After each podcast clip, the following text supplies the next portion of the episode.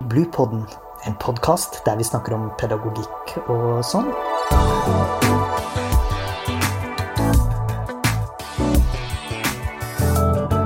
Podkasten er laget av barnehagelærerutdanninga ved Høgskolen på Vestlandet.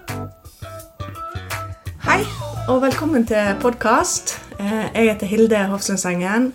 Og temaet for denne podkasten er barn med språkforstyrrelser, og da særlig pragmatiske vansker. I dag er vi superheldige og har med oss en gjest som er en av verdens fremste forskere på akkurat dette temaet. Og vi skal snakke med henne om et forskningsprosjekt som hun holder på med, om språkforstyrrelser, DLD, og om hva barnehagelærere må være oppmerksomme på. Men nå må jeg gå over til engelsk. A very warm welcome to you, uh, Professor uh, Courtney Norbury. Thank you for coming. And thank you for having me. This is very exciting. Yeah. I, I am very happy to have you as you are an expert in this field. And you normally you are in London working at the University of College of London. Mhm. And uh, um, we are really, really honored to have you on your, our podcast. So thank you for coming. It's my pleasure, and the honor is mine. I'm not sure about that. you have been leading a UK population study mm-hmm. about language development and disorder, following children from five. Well, in the UK, we send our children to school in the term they become five. So the youngest kids in our sample were four when they uh-huh. started, and we've followed them all the way up into secondary school. So in the last round of testing, which sadly was interrupted by COVID, they were about 13 years old. Okay. So that's a long time following these kids. It is. So we saw them three times when they were in primary school, and then once after they'd made the transition to secondary school, because we were really interested in how language relates to broader social and mental health skills when they get into adolescence. Was there any uh, mental uh, or social skills you were really uh, interested in finding out more about? Well, lots. so from the beginning, we used a measure called the Strengths and Difficulties Questionnaire, which looks broadly at behavior, um, your peer relationships, uh, and your emotional. Um, yeah, emotional competencies. Uh, so that's a questionnaire that we asked of parents and teachers. Uh, and you can see from the beginning, even from that first year of school, that children with language uh, disorders have more challenges in all of those domains. Um, and as they got into secondary school, then we wanted to use more established, mem- um, sorry, more established measures of anxiety and depression because certainly our interactions with young people suggest that when they go into secondary school, those feelings of anxiety can become much greater because there's a lot more uncertainty in your timetable. The language is more complicated, social relationships are more nuanced. Um, and so this kind of creates anxiety. Uh, so we were particularly interested in looking at that and also how your social skills, um, particularly how you use language to understand other people's thoughts and feelings, and how you use language to regulate your emotional states and behaviors, how that might be one of the pathways through which poor early language might affect your later mental health. So that was what we were looking at. Really interesting. And quite novel, isn't it? Um, I think I think people have known that there's an association between language and these uh, social and mental uh, well-being indicators for a long time, but trying to understand the causal mechanisms has been quite challenging.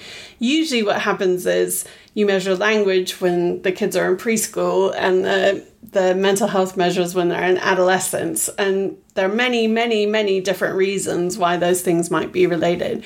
So we're just looking at one piece of that puzzle.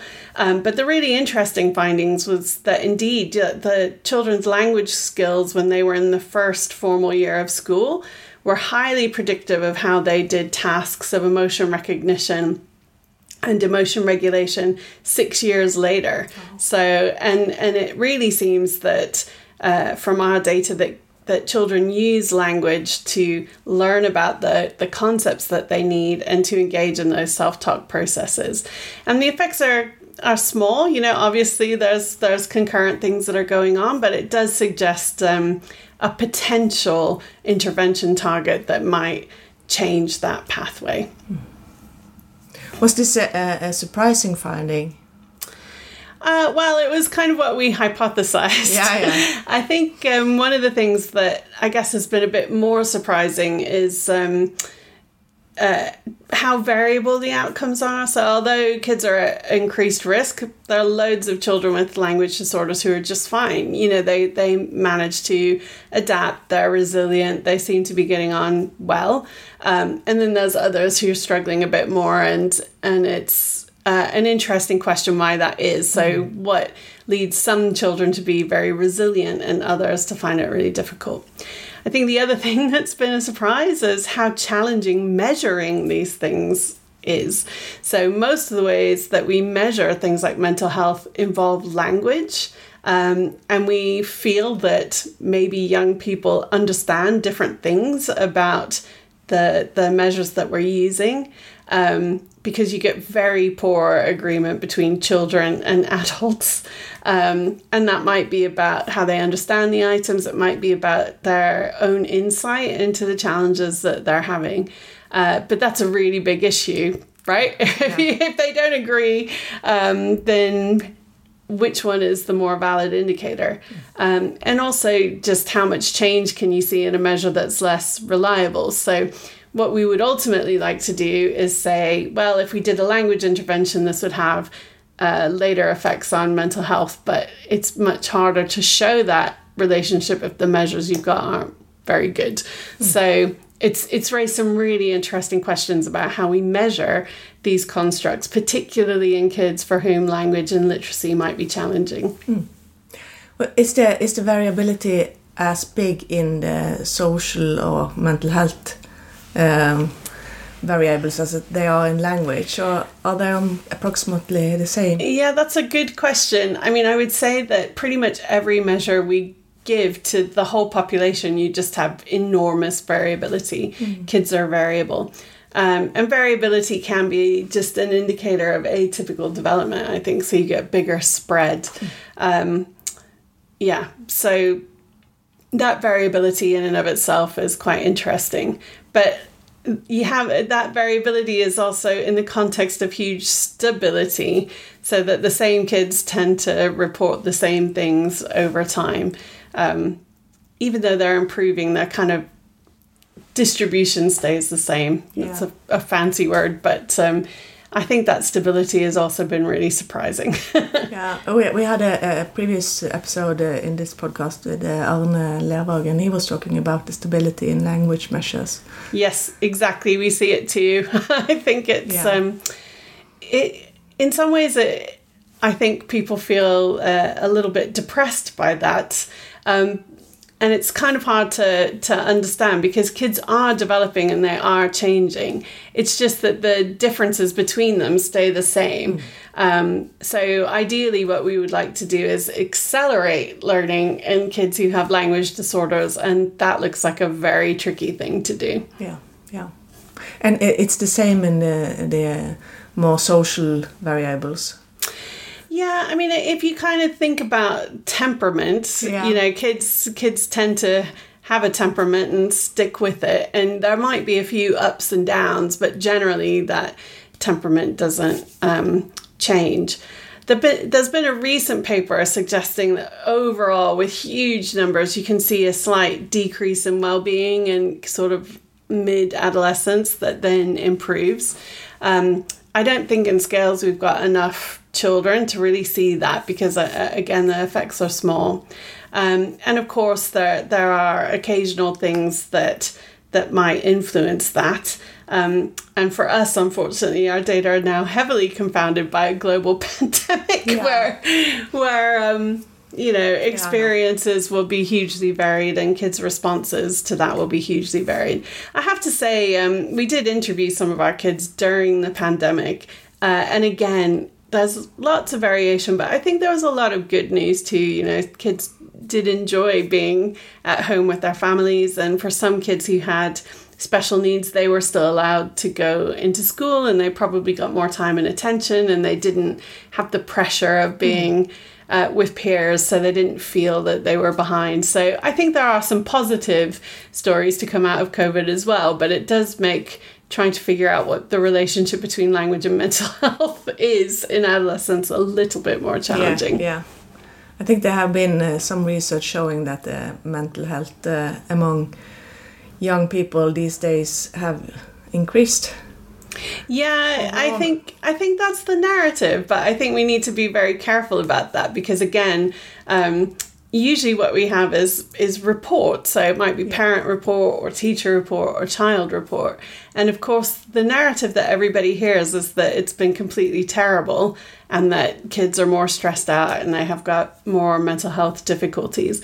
And i think definitely for some age groups that anxiety and worry has increased. But i think for other kids you know kids just get on with it. And i think if we send them more positive messages maybe we wouldn't see that. And I hope that they will, you know, most of the time they're resilient. I think what it does is exacerbate issues for kids who are at risk anyway. Yeah. Um, so that's probably where we need to focus our attention and otherwise tell kids they've done an amazing job to get through the pandemic as we all have yeah. uh, and there are brighter times ahead yeah hopefully yeah hopefully. finger crossed yeah okay so you said something about uh, your findings from the scales project is there any other main findings so in in this study we had a really interesting and diverse population. So in previous population studies children who had other conditions were excluded and they really focused on kids who had more what we used to call specific language impairment. And in scales we just kept everybody in. Uh, and that's really proved to be quite interesting because uh, you know we were talking about that stability and i think what many people would expect is that children who have more complex needs, like intellectual impairments or uh, autism or big behavioral difficulties, will actually slow, show a slower rate of growth relative to peers. And in fact, what we show is that they too have this parallel rate of mm. development. Um, so they are making progress. And I think that is really testament to good universal education provision. Um, I would say education is the best intervention that we have, you know, yeah. and and teachers are fantastic. They do help kids learn, which is a great thing. Um, but you know that stability does mean that narrowing those gaps is quite tricky. So. Uh, and that gap is there all the way through to secondary school. So the kids at the bottom are, you know, they're making progress and the rate of change is similar to the peers, but they just can't catch up. Um, and so that is a big challenge, uh, and it suggests that if if your goal is to get kids closer to the level that we would expect them to be at, um, then we've got to do something additional. Mm. And what that additional is is is a really big question.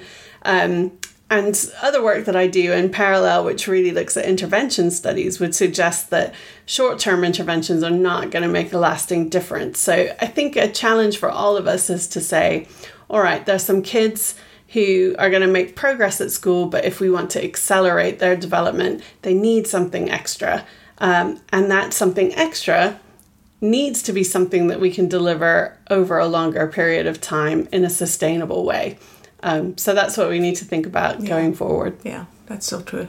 And I think that stability starts very early. Even in my, my preschool data, we find stability in the language skills. Yeah, so the stability question is really interesting because uh, in very young children, languages there's a lot of instability.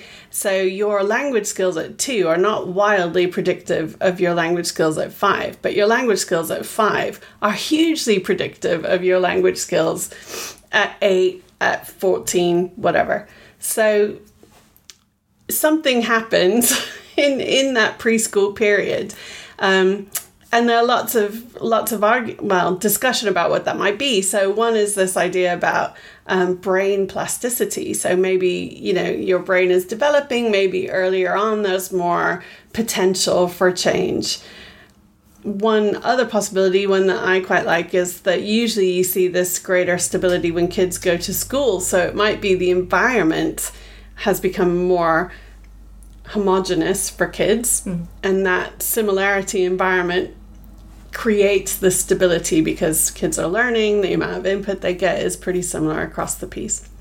There are also really boring explanations like measurement. It's much harder to measure language. Measurement errors Yeah, much harder to measure language reliably in very young Yeah. children. And of course, by the time they get to five, then you can test them in a more reliable way. So I think it's it's probably multiple things going on, but certainly um, by about the age of four or five, it looks like language starts to gel and, and then it becomes much more stable. Yeah, yeah. Um, lately, in you were also uh, mentioning it, uh, we have had a change in uh, in the field of uh, language disorder from labeling specific language impairment to DLD or, uh, or um, developmental language disorders, right? And um, is any of these changes related to your study? Well, actually, we were really lucky because the, at the time those changes were being discussed and, and going through, uh, we were doing our study. So we were able to look at the impact of those changes on prevalence and on the kind of clinical presentation that kids had. Um, and in our study, we reported an overall prevalence of DLD of 7.5%. And you could break that down into the kids who had a more traditional specific language impairment profile, that was about 4.8%. And then the kids who had uh, a non-verbal cognitive abilities and what I call no man's land. So they don't have intellectual impairment, but they have lower nonverbal IQ scores and tend to uh, not appear in, in research studies because they're excluded, and some places use that as uh, criteria to exclude them from services or from particular types of special education provision. Uh, and that was about another 2.5%. So, including those kids in the diagnosis increased the prevalence estimate by about 50%. But those kids are there and they're having a really hard time. So, it's important that we um, know about them and plan to provide services for them. Interestingly, we looked at those two groups and we tried to say, um, well, do they differ in any qualitatively meaningful way? Uh, and they didn't differ in terms of their language severity, they didn't differ in terms of uh, the percentage of kids who had really significant behavior problems, and they didn't differ in terms of their early school attainment. Where you do tend to see differences is when language disorder occurs as part of another condition, so autism or Down syndrome or any other kind of uh, condition like that. And in those cases, what you see are much higher rates of co occurring um, behavioral difficulties, much more severe language difficulties, um, and they, they are more likely to get into special education provision because they can't manage in the classroom. Um, so I think our, our study really validates the the CATALISE criteria, uh, and I do think um, that you know some people think, well, do we really need diagnosis? Do you need to label kids? But certainly, we've had lots of interactions with young people where they really own that diagnosis, and it gives them a way to talk about and understand the challenges that they have with language and, and to tell other people, I have DLD. That's why I find this difficult. I'm not stupid. I'm not naughty. I have this condition and it makes it harder for me to do this. Yeah, and that's that's also my experience. And and every time this comes up, I'm kind of surprised because I thought I'm thinking like. Uh, nobody expect uh, suspected that you were any stupid or anything, but it's really important for these children to have uh, Absolutely. have this diagnosed. I think I absolutely, and I I think it does help them to really understand what they're about and to um, to advocate for themselves, and and also for parents to get more information and to connect up with other families and other young people so they know that they're not alone. So, you know, we have to be careful about how we use labels and the assumptions that we make about people, but I think there are lots of positives about diagnosis too, and, and I think um, listening to how young people can use that diagnosis for the better has, has been really eye opening for me. Mm, yeah. Um, I have to ask you something about uh, pragmatic language disorder, or mm-hmm. mainly it, it's now called DLD. Uh, who have children with DLD who have impairment of mainly pragmatic language, right? Yeah. yeah. So uh, DSM five introduced uh, this diagnostic category, which is called social pragmatic communication disorder which I always found really uh, amusing because that's what I tried to do my PhD on. Yeah. to try to find children who had difficulties with pragmatics, who did not have difficulties with vocabulary and grammar, and who were not meeting criteria for autism. And I recruited about 100 kids to my study and only found four kids who met those criteria. Uh, and that was just on current presentation so who knows what their past or future would have looked like so my phd conclusion was kind of like well um, doesn't look like this is a separate condition but more like a feature of lots of different developmental conditions. Wow, you were really ahead of yourself. yeah, but no one listened to me, so that's not unusual either. I don't think. No, um, hopefully not. so when um, when that came out, we wanted to. I mean, I've always been really interested in pragmatics and how language and pragmatics are related because you know there's lots of theoretical arguments about how they're separable and and things like that. Um, so we did use the children's communication checklist in our population study um, to try and estimate the prevalence of um, pure, if you like, yeah. pragmatic difficulties. Um, and essentially, what we found is that, again, it's very, very rare. The correlation between kind of structural language, if you like, and pragmatics is huge. Um, you can tease them apart, but again, it's it's very hard because they're very correlated. So you're making these kind of uh, arbitrary cutoffs on different types of measures. Um, and you can do that, but anyway, you do it, you only find about 1% of the mm. population who have these um, selective difficulties in pragmatics. And, and I'm not sure how meaningful that is given what we know about measurement error by and large, what you find is children who have very poor pragmatics are very likely to have problems with other aspects of language, uh, and they may also well have sort of features that are consistent with an autism diagnosis, even if they're not severe enough to get an autism diagnosis. So, I would say pragmatics is important. It's certainly important for our social interaction. It can be really important for things like reading comprehension because it's it's really about you know going beyond what people are explicitly yeah. saying to make sense of the wider world. Um, so it is really important and a useful focus of uh, intervention but it's usually coming with other things yeah. that, that require our attention as well. Yeah communication is more than words.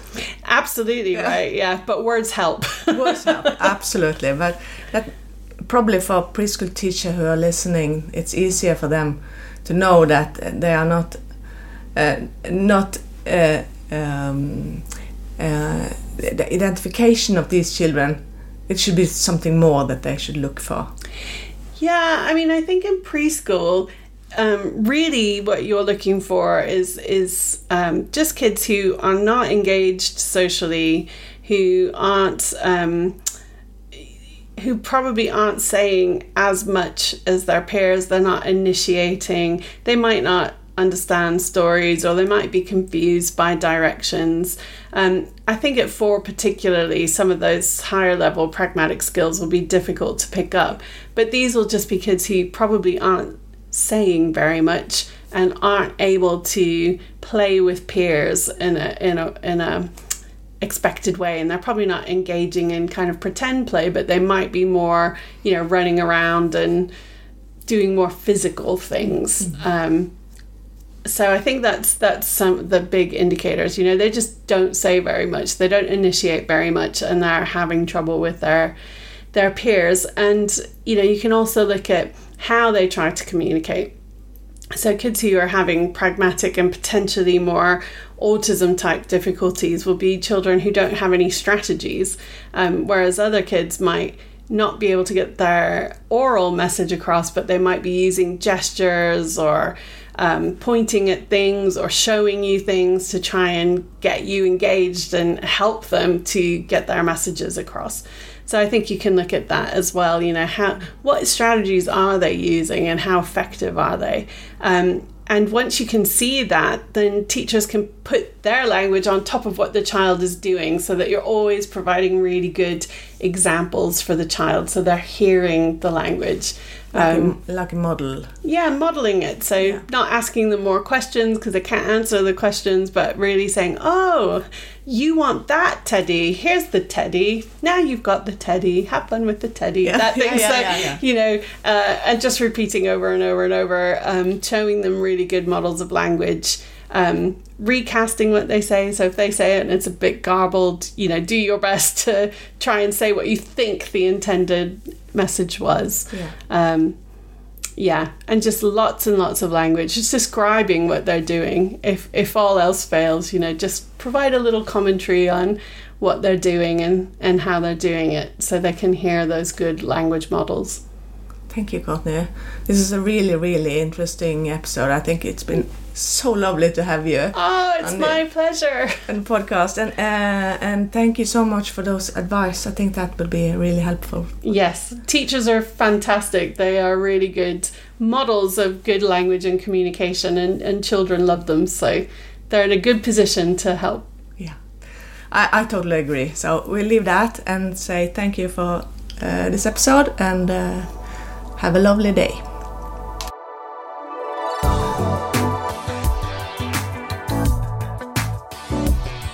Podkasten er laget av barnehagelærerutdanninga ved Høgskolen på Vestlandet.